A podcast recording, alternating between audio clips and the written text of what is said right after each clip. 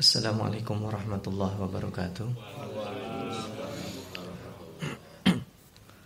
Bismillahirrahmanirrahim Alhamdulillah Alhamdulillahilladzi anzala al-Quran Wa faddalana ala sairi khalqihi bita'limil ilmi wal bayan Allahumma salli wa sallim wa barik ala sayyidil anam Sayyidina Muhammadin sallallahu alaihi wasallam wa ba'd Bapak-bapak, ibu-ibu Hadirin sekalian, jamaah halaqah tadabbur Al-Quran Kita bersyukur kepada Allah pada pagi hari ini Allah membuka hari kita dengan kebaikan Kemudahan yang Allah berikan pada pagi hari ini. Mudah-mudahan Allah istiqamahkan Allah jaga sampai kelak kita menghadap kepadanya. Allahumma amin. Pada kesempatan kali ini Bismillah Kita akan melanjutkan halaqah tadabbur kita. InsyaAllah pada halaqah yang ke-40 ini kita akan menadaburi surat Al-Baqarah ayat 246, 247 dan 248. A'udzu billahi minasyaitonir rajim. Bismillahirrahmanirrahim. Alam tara ilal mala'i min bani Israil min ba'di Musa إذ قالوا لنبي له مبعث لنا ملكا نقاتل في سبيل الله. قال هل عسيتم إن كتب عليكم القتال ألا تقاتلوا؟ قالوا وما لنا ألا نقاتل في سبيل الله وقد أخرجنا من ديارنا وأبنائنا. فلما كتب عليهم القتال تولوا إلا قليلا منهم والله عليم بالظالمين. Sadaqallahul azim.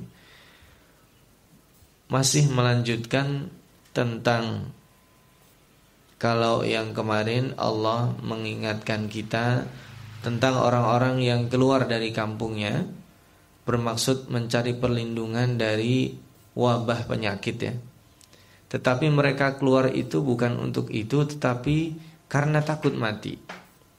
Tapi kemudian di tengah jalan Allah lihatkan tanda-tanda kekuasaannya mereka yang jumlahnya ribuan itu atau puluhan ribu karena itu bukan alaf tapi uluf itu kemudian dimatikan Allah dan setelah sekian lama seorang nabi dari Bani Israel berdoa supaya mereka dibangkitkan dan akhirnya mereka dibangkitkan.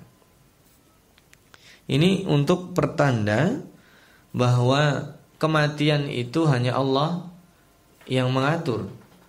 Jadi seseorang bisa meninggal karena wabah.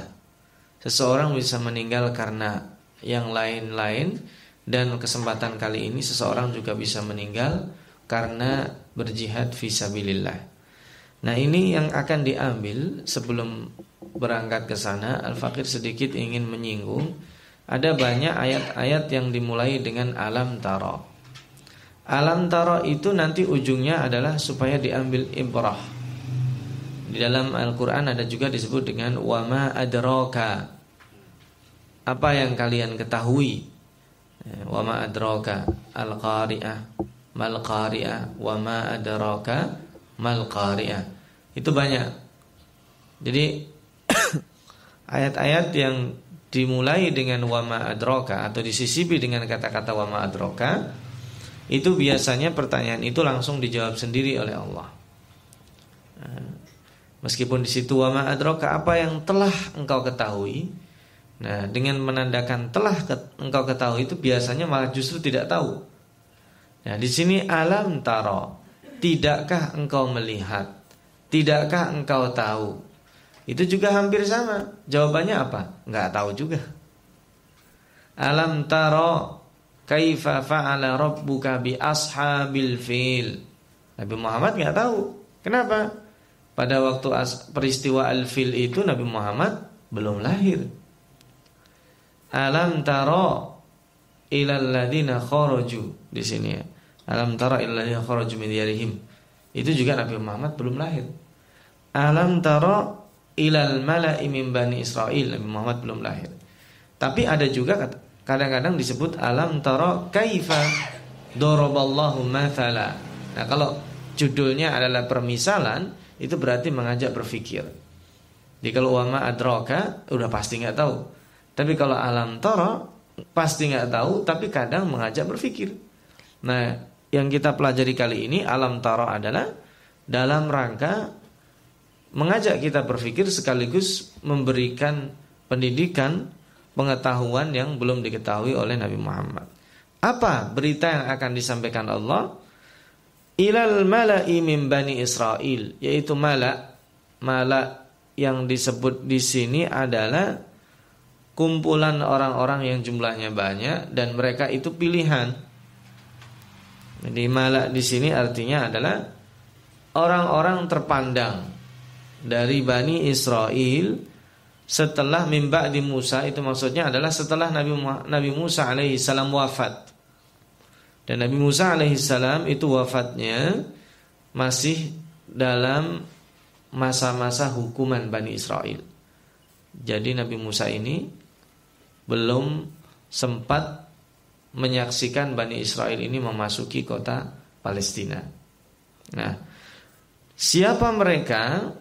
Ilqalu nabiyyin ketika mereka bertanya atau berkata kepada seorang nabi, tentunya setelah Nabi Musa. Nah, di sini para ulama berbeda pendapat. Menurut jumhur mufassirin, nama nabinya adalah Nabi Samuel. Nabi Samuel ini masih ada peninggalan di Mesir. Tetapi benar enggaknya itu yang tidak bisa divalidasi. Ada yang mengatakan ini adalah Yusha bin Nun. Ada yang mengatakan ini adalah Syam'un. Tetapi pendapat-pendapat itu dilemahkan oleh Ibnu Kathir.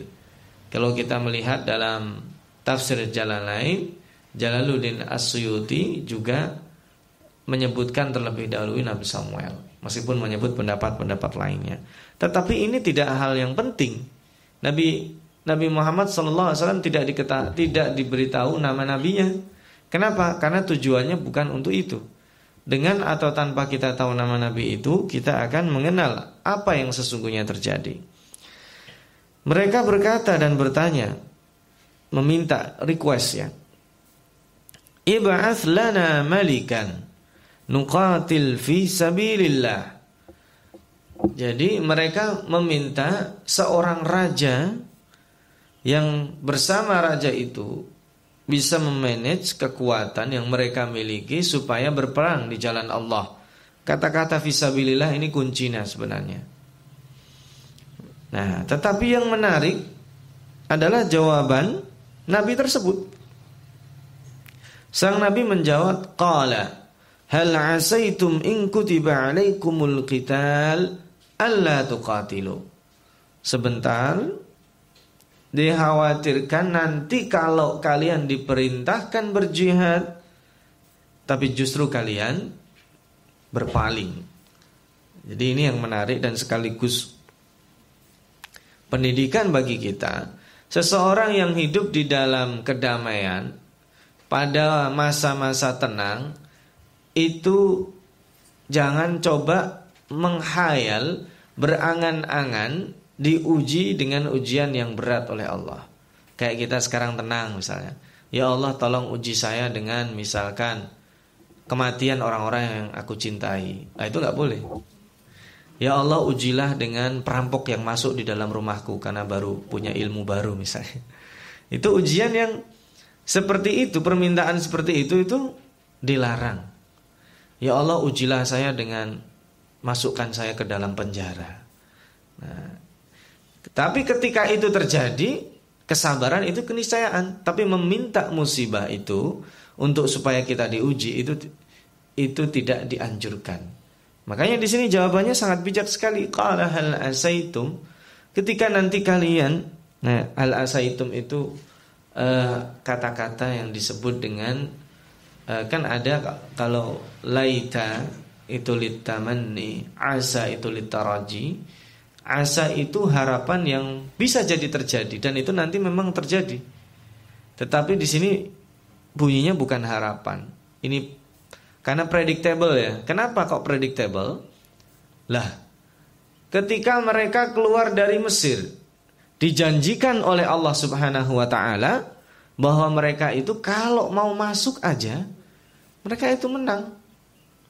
Nah, ketika dalam masa-masa itu mereka saja enggan, apalagi sekarang tidak ada judul berperang, tahu-tahu kok mereka minta ini mencurigakan. Ada apa? Ini nanti diceritakan sambung menyambung sebenarnya. Tapi jawaban mereka tidak demikian. Dengan sepenuh yakin mereka menjawab, "Qalu wa alla nuqatila fi sabilillah?" Bagaimana mungkin kami tidak mau berjihad, berperang di jalan Allah? Waqad ukhrijna min diyarina wa abnaina. Kami ini orang udah lunas istilahnya. Kami kan menjadi orang terusir dari kampung halaman. Kami wa abnaina dan kami juga terusir dari anak-anak kami. Kenapa? Ingat bahwa di zaman Firaun itu yang disembelih adalah anak-anak laki-laki mereka. Jadi orang ini ibarat kata itu orang udah udah lunas lah hidupnya, nggak punya beban. Jadi apa yang diharapkan dari kami? Bahwa kami ini sudah terusir, udah nggak punya rumah Istilahnya kalaupun mati ya kami ya silahkan aja mati. Tapi ini kelihatannya ringan. Padahal ini adalah orang-orang yang frustasi. Gambaran seperti ini. Kalaupun mereka berjihad, maka ini mabdaknya, maka prinsipnya salah. Lihat kita lihat kekerasan-kekerasan yang terjadi meskipun dia adalah beragama Islam. Tapi kalau backgroundnya adalah misalnya naudzubillah min tanpa menyebut untuk melukai saudara-saudara kita yang ada di Irak misalnya. Ketika mereka membalas kekejaman tentara-tentara Amerika itu bisa jadi mungkin karena bapaknya dibunuh. Bisa jadi ibu atau saudara perempuannya diperlakukan tidak manusiawi. Itu kan ibarat kata saya sudah nggak ada yang saya pikirkan dalam hidup saya. Tapi itu motivasi yang salah gitu jadi motivasinya salah betul bahwa mereka seolah-olah menganggap nyawa itu tidak ada harganya Beda dengan orang-orang yang berjihad, saya masih punya istri yang saya cintai. Saya masih punya anak yang memerlukan saya. Saya masih punya pendidikan, masih punya bisnis, masih apa. Tapi begitu labbaik ya Rob, ada panggilan berjihad labbaik ya Rob. Itu berbeda.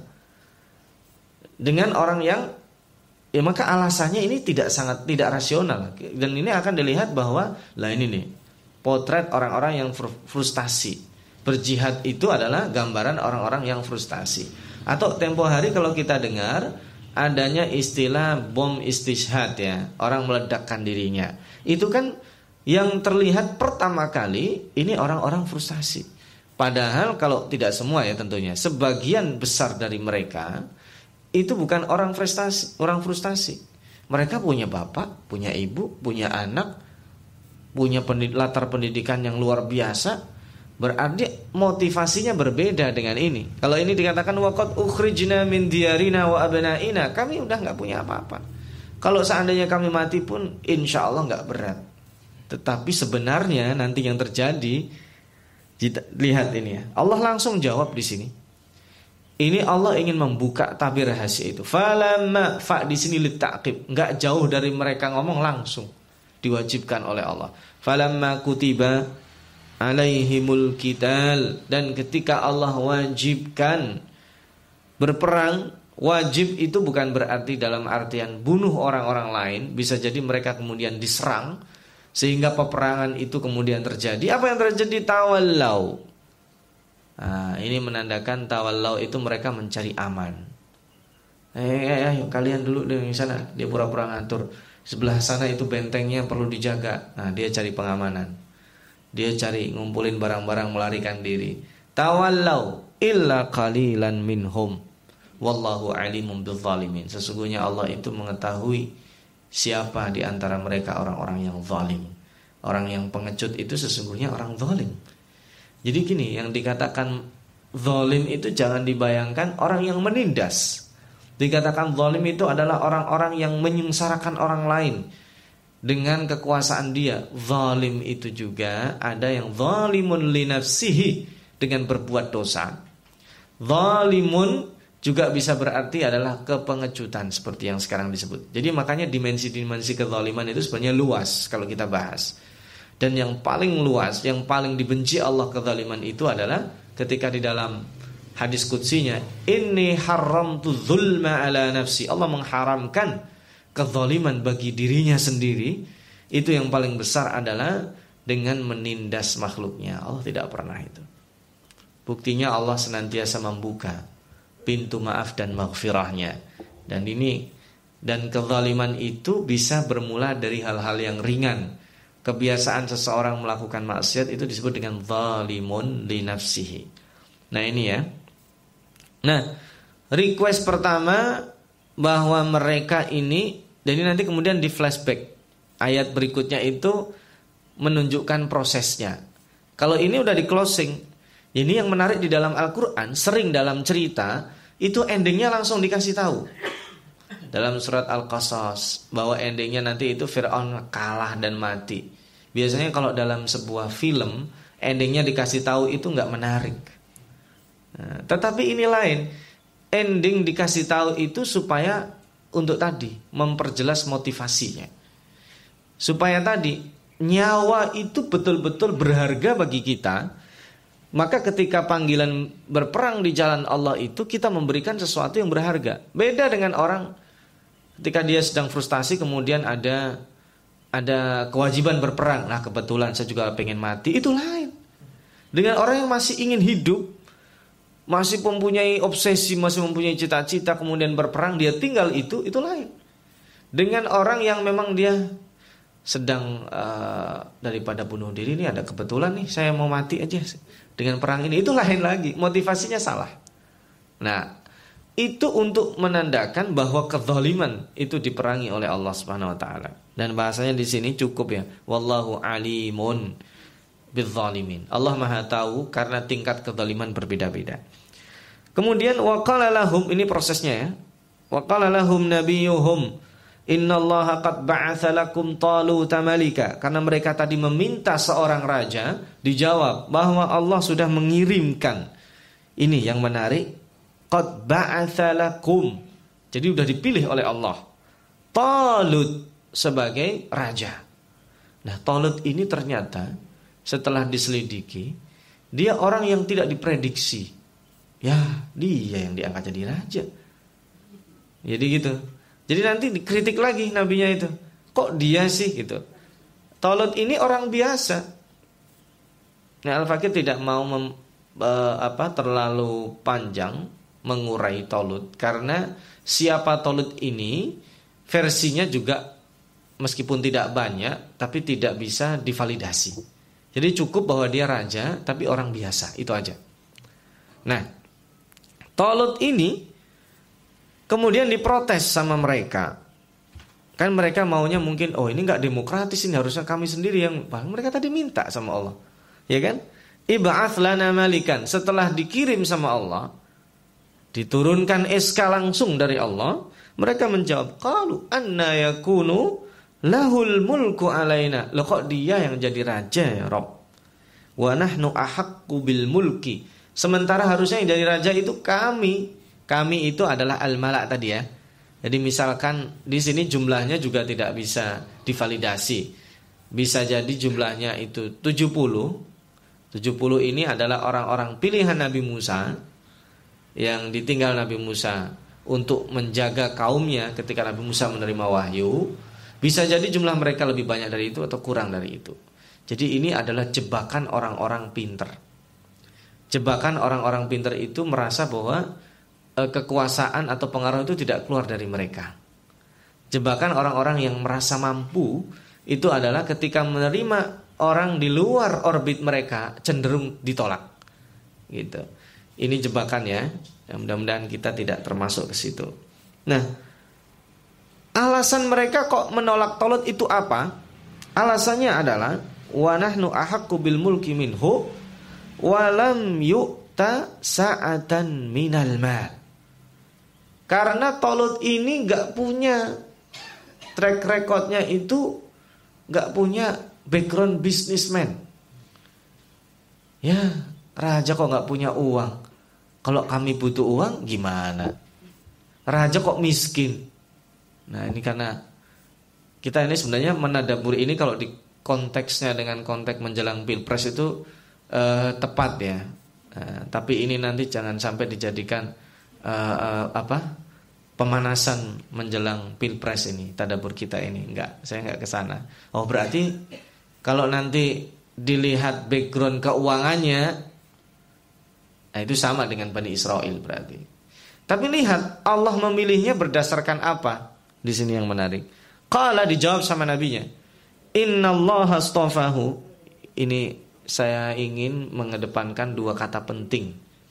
Yang pertama ba'atha, yang kedua istofa.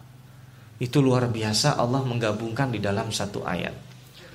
Kalau kata-kata ba'atha itu tidak bisa diganggu gugat.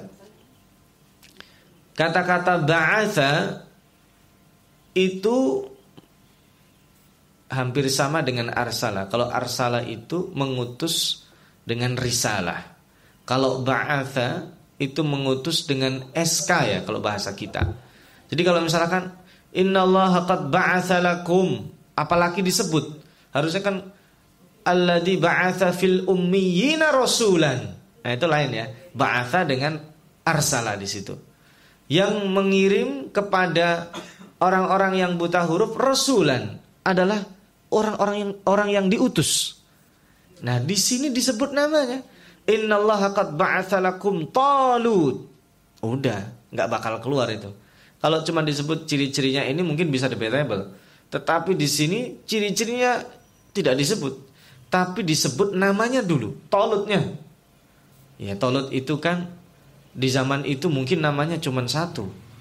Dan ternyata ini orang-orang itu namanya jenisnya kayak gitu itu. Nanti Tolut, Jalut musuhnya nanti ya.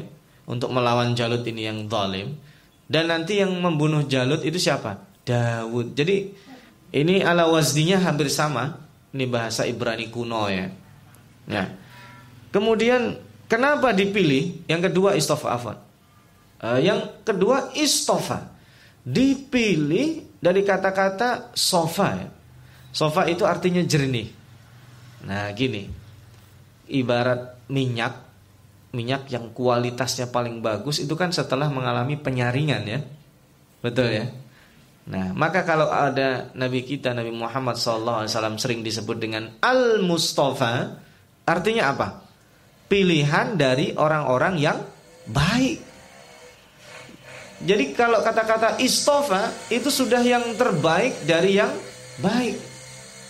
Udah kata kita ada jaminan mutu. Ibarat madu, ini madu yang bukan hanya yang asli lagi, ini madu yang paling murni karena dia dari kualitas yang terbaik. Nah ini menarik ya kalau lain waktu kita bisa eksplorasi ya. Kenapa Allah gabungkan ba'atha? Ba'atha itu ibarat kata langsung diciklokin di depan kita dan ini sudah ditunjuk langsung. Yang menariknya bahwa di situ yang menyampaikan itu nabi. Ya kan? Nabi tadi yang disebut Samuel itu menyampaikan bahwa raja kalian itu adalah Talut dan tidak raja kalian itu adalah saya. Nabi itu ya. Kenapa kok tidak nabi? Nah, ini menandakan beda kan? Setelah itu nanti ada nabi yang jadi raja. Ini sebagai preambulnya ya. Dan Nabi Daud itu nabi yang menjadi raja melalui proses. Dia orang biasa. Beda dengan anaknya Sulaiman. Nabi Sulaiman itu menjadi raja tetapi memang sudah keturunan raja. Nabi Daud itu orang biasa. Nanti yang membunuh Jalut ya. Nah, dia termasuk beliau termasuk salah seorang tentara yang lolos kualifikasi karena nanti di ayat berikutnya kita akan menadaburi bahwa dari Tolut itu nanti orang yang lolos itu sedikit. Jadi ini disebut istofa rahasianya itu. Karena nanti pasukannya juga istofa dipilih dari orang-orang yang baik. Kenapa? Orang-orang yang tadi minta berjihad itu kebanyakan apa? Berpaling. Jadi kalau istilahnya ada di situ 2000 orang, kira-kira kalau kebanyakan itu sisanya berapa? Oleh coba kasih saya angka. Kalau dari 2000 orang yang minta request kayak tadi melalui perwakilan 70 orang, kira-kira yang kemudian siap berjihad berapa? Kalau illa kolilan ya. Dari 2000 kasih 200 lumayan lah ya, 10% ya. Oke. Dari 200 itu ikut berperang nanti mendapat cobaan lagi. Insya Allah kita tadaburi di ayat berikut di pertemuan berikutnya. Karena nanti tidak boleh minum ya. Itu yang lolos sedikit. Sudah dari itu yang lolos sedikit itu lebih sedikit lagi yang face to face nanti dengan Jalut dan yang membunuh Jalut itu nanti Nabi Daud alaihissalam. Nanti kita kalau sudah sampai kita tadaburi. Nah, yang jadi supaya kita jelas ya, ba'atha dikirim kemudian istafa. itu menandakan pilihan dari sekian proses tahapan. Wazadahu bastatan fil ilmi wal jism. Ah, ini yang menarik. Bukan harta, tetapi apa yang Allah jadikan prioritasnya? Pertama itu orangnya alim. Tapi alim ini bukan orang yang sakit-sakitan. Makanya bastotan fil ilmi wal jism. Bastoh itu di atas rata-rata ya, kuat. Jadi ilmunya bukan rata-rata biasa. Dia memang luar biasa ilmunya, cerdas. Nah, makanya syarat pemimpin itu kecerdasannya sebisa mungkin di atas rata-rata. Nah, yang kedua, fisiknya juga kuat. Pemimpin cerdas tapi sering sakit-sakitan, ya nggak susah.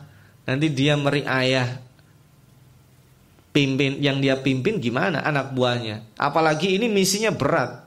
Nanti kan dalam cerita bukan hanya dalam Al-Qur'an ya di dalam kitab-kitab selain Al-Qur'an juga disebut sampai sekarang kita bisa melihat juga cerita David and Goliath itu kan terkenal ya. Nah, nanti misi untuk mengalahkan Jalut itu juga ada sesuatu yang dibalik itu di ayat berikutnya nanti dijelaskan. Nah, maka dua ini penting. Pemimpin itu harus apa? Yang pertama, ilmunya cerdas di atas rata-rata. Yang kedua, fisiknya juga kuat. Kenapa? Bisa jadi seorang pemimpin itu kalau pasukannya tidur memerlukan waktu 5 jam, pemimpin bisa jadi dua jam dia harus cukup. Pemimpin pasukannya itu bisa jadi dia makan satu hari butuh tiga kali. Pemimpin bisa jadi dia cukup sekali. Kenapa? Karena dia lebih banyak yang diurusi dari dirinya. Maka perlu penempaan fisik. Tetapi sebenarnya fisik itu disebut nomor dua. Berarti yang paling utama itu ilmunya dulu. Gitu. Alim, kawi. Ya, kuat ilmunya dan kuat fisiknya. Yang ketiga, pertama itu pilihan, yang kedua itu punya kelebihan itu dikasih tahu sama nabinya. Yang ketiga, wallahu yu'ti mulkahu Man yasha. Allah memberikan kerajaan itu bagi orang-orang yang dia pilih Sesukanya. Qulillahumma malikal mulki Tu'til mulka man tasha Wa tanzi'ul mulka mimman tasha. Memberikan kekuasaan bagi Allah itu mudah Tapi yang berat itu ketika Wa tanzi'ul mulka. Disabut itu kayak kita dicabut gigi. Coba kalau nggak dikasih mati rasa itu gigi kita Kira-kira teriak nggak kita kalau gigi dicabut nggak ada dikasih obat bius lokal itu? Mungkin bukan teriak lagi, pingsan, ya kan? Makanya kekuasaan itu paling berat ketika dicabut. Dicabut itu apalagi kalau dipaksa dengan ada kudeta, dengan ada demonstrasi, itu ricuh biasanya. Dan bukan hanya itu, masa-masa menjelang habisnya kekuasaan itu ada sindrom maka yang ziul mulka itu sakit gitu. Sakit diambil kekuasaan. Orang yang biasa berkuasa kemudian kekuasaannya ditiadakan itu berat. Nah, maka di sini ketika Allah mengatakan yukti kalau di ayat yang tadi Al-Fakir bacakan dalam surat Ali Imran itu wa tanzi'ul mulka mimman tasha wa tu'izzu man tasha wa tudhillu man tasha biadikal khair. Maka Allah itu yang memilih kebaikan itu. Nah, di endingnya yang menarik Allah mengatakan wallahu wasi'un alim. Allah itu wasi itu artinya apa? Maha luas. Maksudnya luas itu apa? Bukan hanya luas pengetahuannya, tapi luas jangkauan ilmunya. Jadi gini, kalau al-fakir sekarang dikasih ilmu sedikit oleh Allah, yang bisa menikmati ilmu yang tadi sedikit disampaikan, itu banyak enggak? Enggak banyak. Kalau secara fisik tadabur kita kali ini yang ada di sini. Secara non fisik ketika kajian ini diupload yang mendapatkan kan dari yang melihat. Sedikit atau enggak itu? Sedikit. Meskipun seandainya itu banyak yang menonton tetap terbatas. Tapi ketika Allah mengatakan wallahu wasi'un Allah pastikan ilmunya itu sampai kepada semua makhluknya. Itu maksudnya wasi'un itu. Makanya alimun, jadi bukan hanya luas pengetahuannya. Kalau luas pengetahuannya itu kan biasa-biasa aja. Tapi luas pengaruh ilmunya. Makanya kemudian alimun di samping luas pengetahuannya tadi atau luas efek ilmunya, luas jangkauan rizkinya. Karena yang dikasih Allah itu rizki semuanya. Luas semuanya segala-galanya. Kasih sayangnya itu juga luas. Kalau kita nih mohon maaf mendapatkan kelebihan harta yang dapat ek apa efek dari nikmat harta kita siapa? Orang yang dekat dengan kita. Jangkauannya nggak banyak. Kenapa? Karena harta kita terbatas. Tapi Allah nggak rizki. Wasi'un, maha luas memberi rizki. Kasih sayangnya juga gitu. Yang dikasih kasih sayang bukan hanya orang baik. Cuman wasi itu juga darojat ya. Dia bertingkat-tingkat. Ini orang yang mukmin ditambahin lagi rahimun bil mukminin. Kalau rahman itu terhadap semua makhluknya. Nah, maka kemudian ketika ditambahin sudah wasiun alim lagi. Alim itu untuk menandakan bahwa yang diberikan rizki seorang kafir dengan orang mukmin beda. Allah tahu. Allah bimbing itu orang yang mukmin yang sungguh-sungguh mencari rizki Allah itu. Jadi sudah luas. Nanti ada orbit yang dipersempit di sini dengan kata-kata alim. Allah tahu. Sama-sama ini dua orang, Allah akan tahu orang ini yang akan sukses, ini yang tidak. Meskipun dua-duanya mendapatkan kesuksesan, tapi derajatnya beda. Orang ini sama-sama masuk surga, Allah tahu ini yang yang istimewa si fulan. Nah ini dan alim di sini diulang dari tadi ya, wallahu kenapa tidak wallahu innallaha la zalimin. Tapi tadi alimun ya. Yang sekarang juga wasiun alimun karena judulnya ilmu di sini. Pemimpin itu ilmu, judulnya ilmu di sini. Alimun bil bil zalimin, wasiun alim bastotan fil ilmi ini kaitan-kaitannya bukan tidak sengaja, ini disengaja oleh Allah. Dan kalau kita tadaburi berarti ilmu itu penting. Ilmu itu harus dicari. Kita harus ikhtiar mencari ilmu itu. Maka kalau ada peluang ilmu, kita kemudian mampu untuk mendapatkannya dengan cara apa aja, kita harus mendapatkannya. Kita punya ilmu, punya akses untuk dapatkan ilmu melalui beli buku, harus beli. Punya akses ilmu dengan dialog, harus dialog punya akses ilmu dengan melihat televisi, dengan melihat rekaman, bisa dapat, kita lakukan.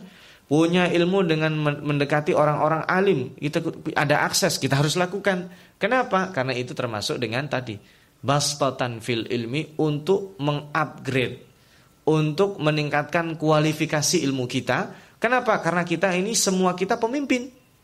Nanti kalau semua orang berpacu demikian, maka nanti yang akan muncul adalah istofa tadi itu. Istofa itu dari apa? Dari yang baik.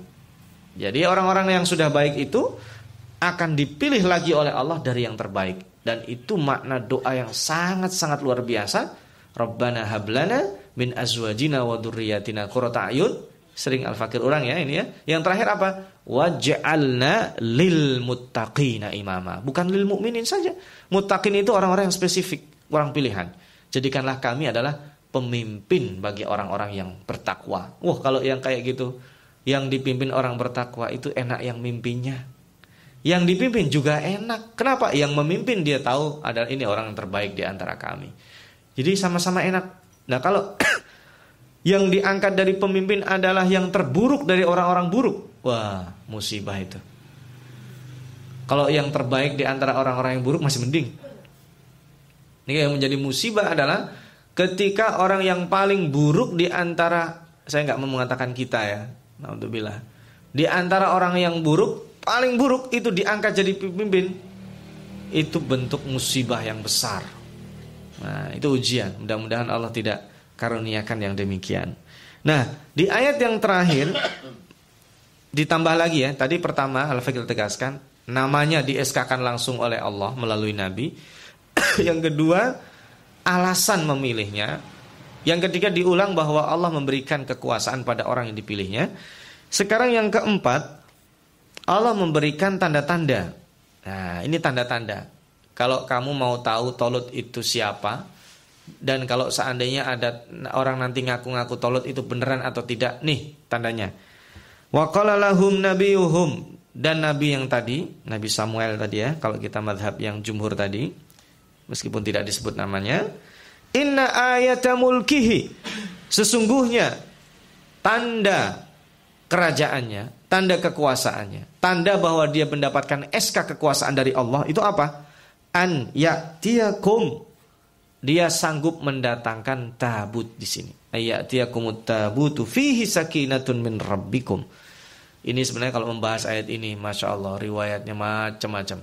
Jadi ceritanya itu tabut Tabut itu apa? Tabut itu kalau dari akar bahasa Dari taba. Taba artinya apa? Kembali. Tabut itu seperti nanti malaku dan sebagainya. Tabut itu sesuatu yang akan kembali. Makanya Nabi Musa itu ditaruh di tabut. Kenapa? Istilahnya tabut karena Nabi Musa akan kembali kepada ibunya. Ini diistilahkan tabut kenapa? Karena barang yang hilang itu akan kembali kepada pemiliknya. Nah, ini makanya diistilahkan dengan tabut ya. Itu dari segi bahasa pilihan Al-Qur'an. yang kedua, tabut ini riwayatnya dalam berbagai riwayat yang Al-Fakir sebutkan semua, ada yang mengatakan bahwa tabut ini isinya adalah peninggalan Nabi Musa. Di antara isinya ada yang menyebutnya itu adalah silsilah nama-nama nabi.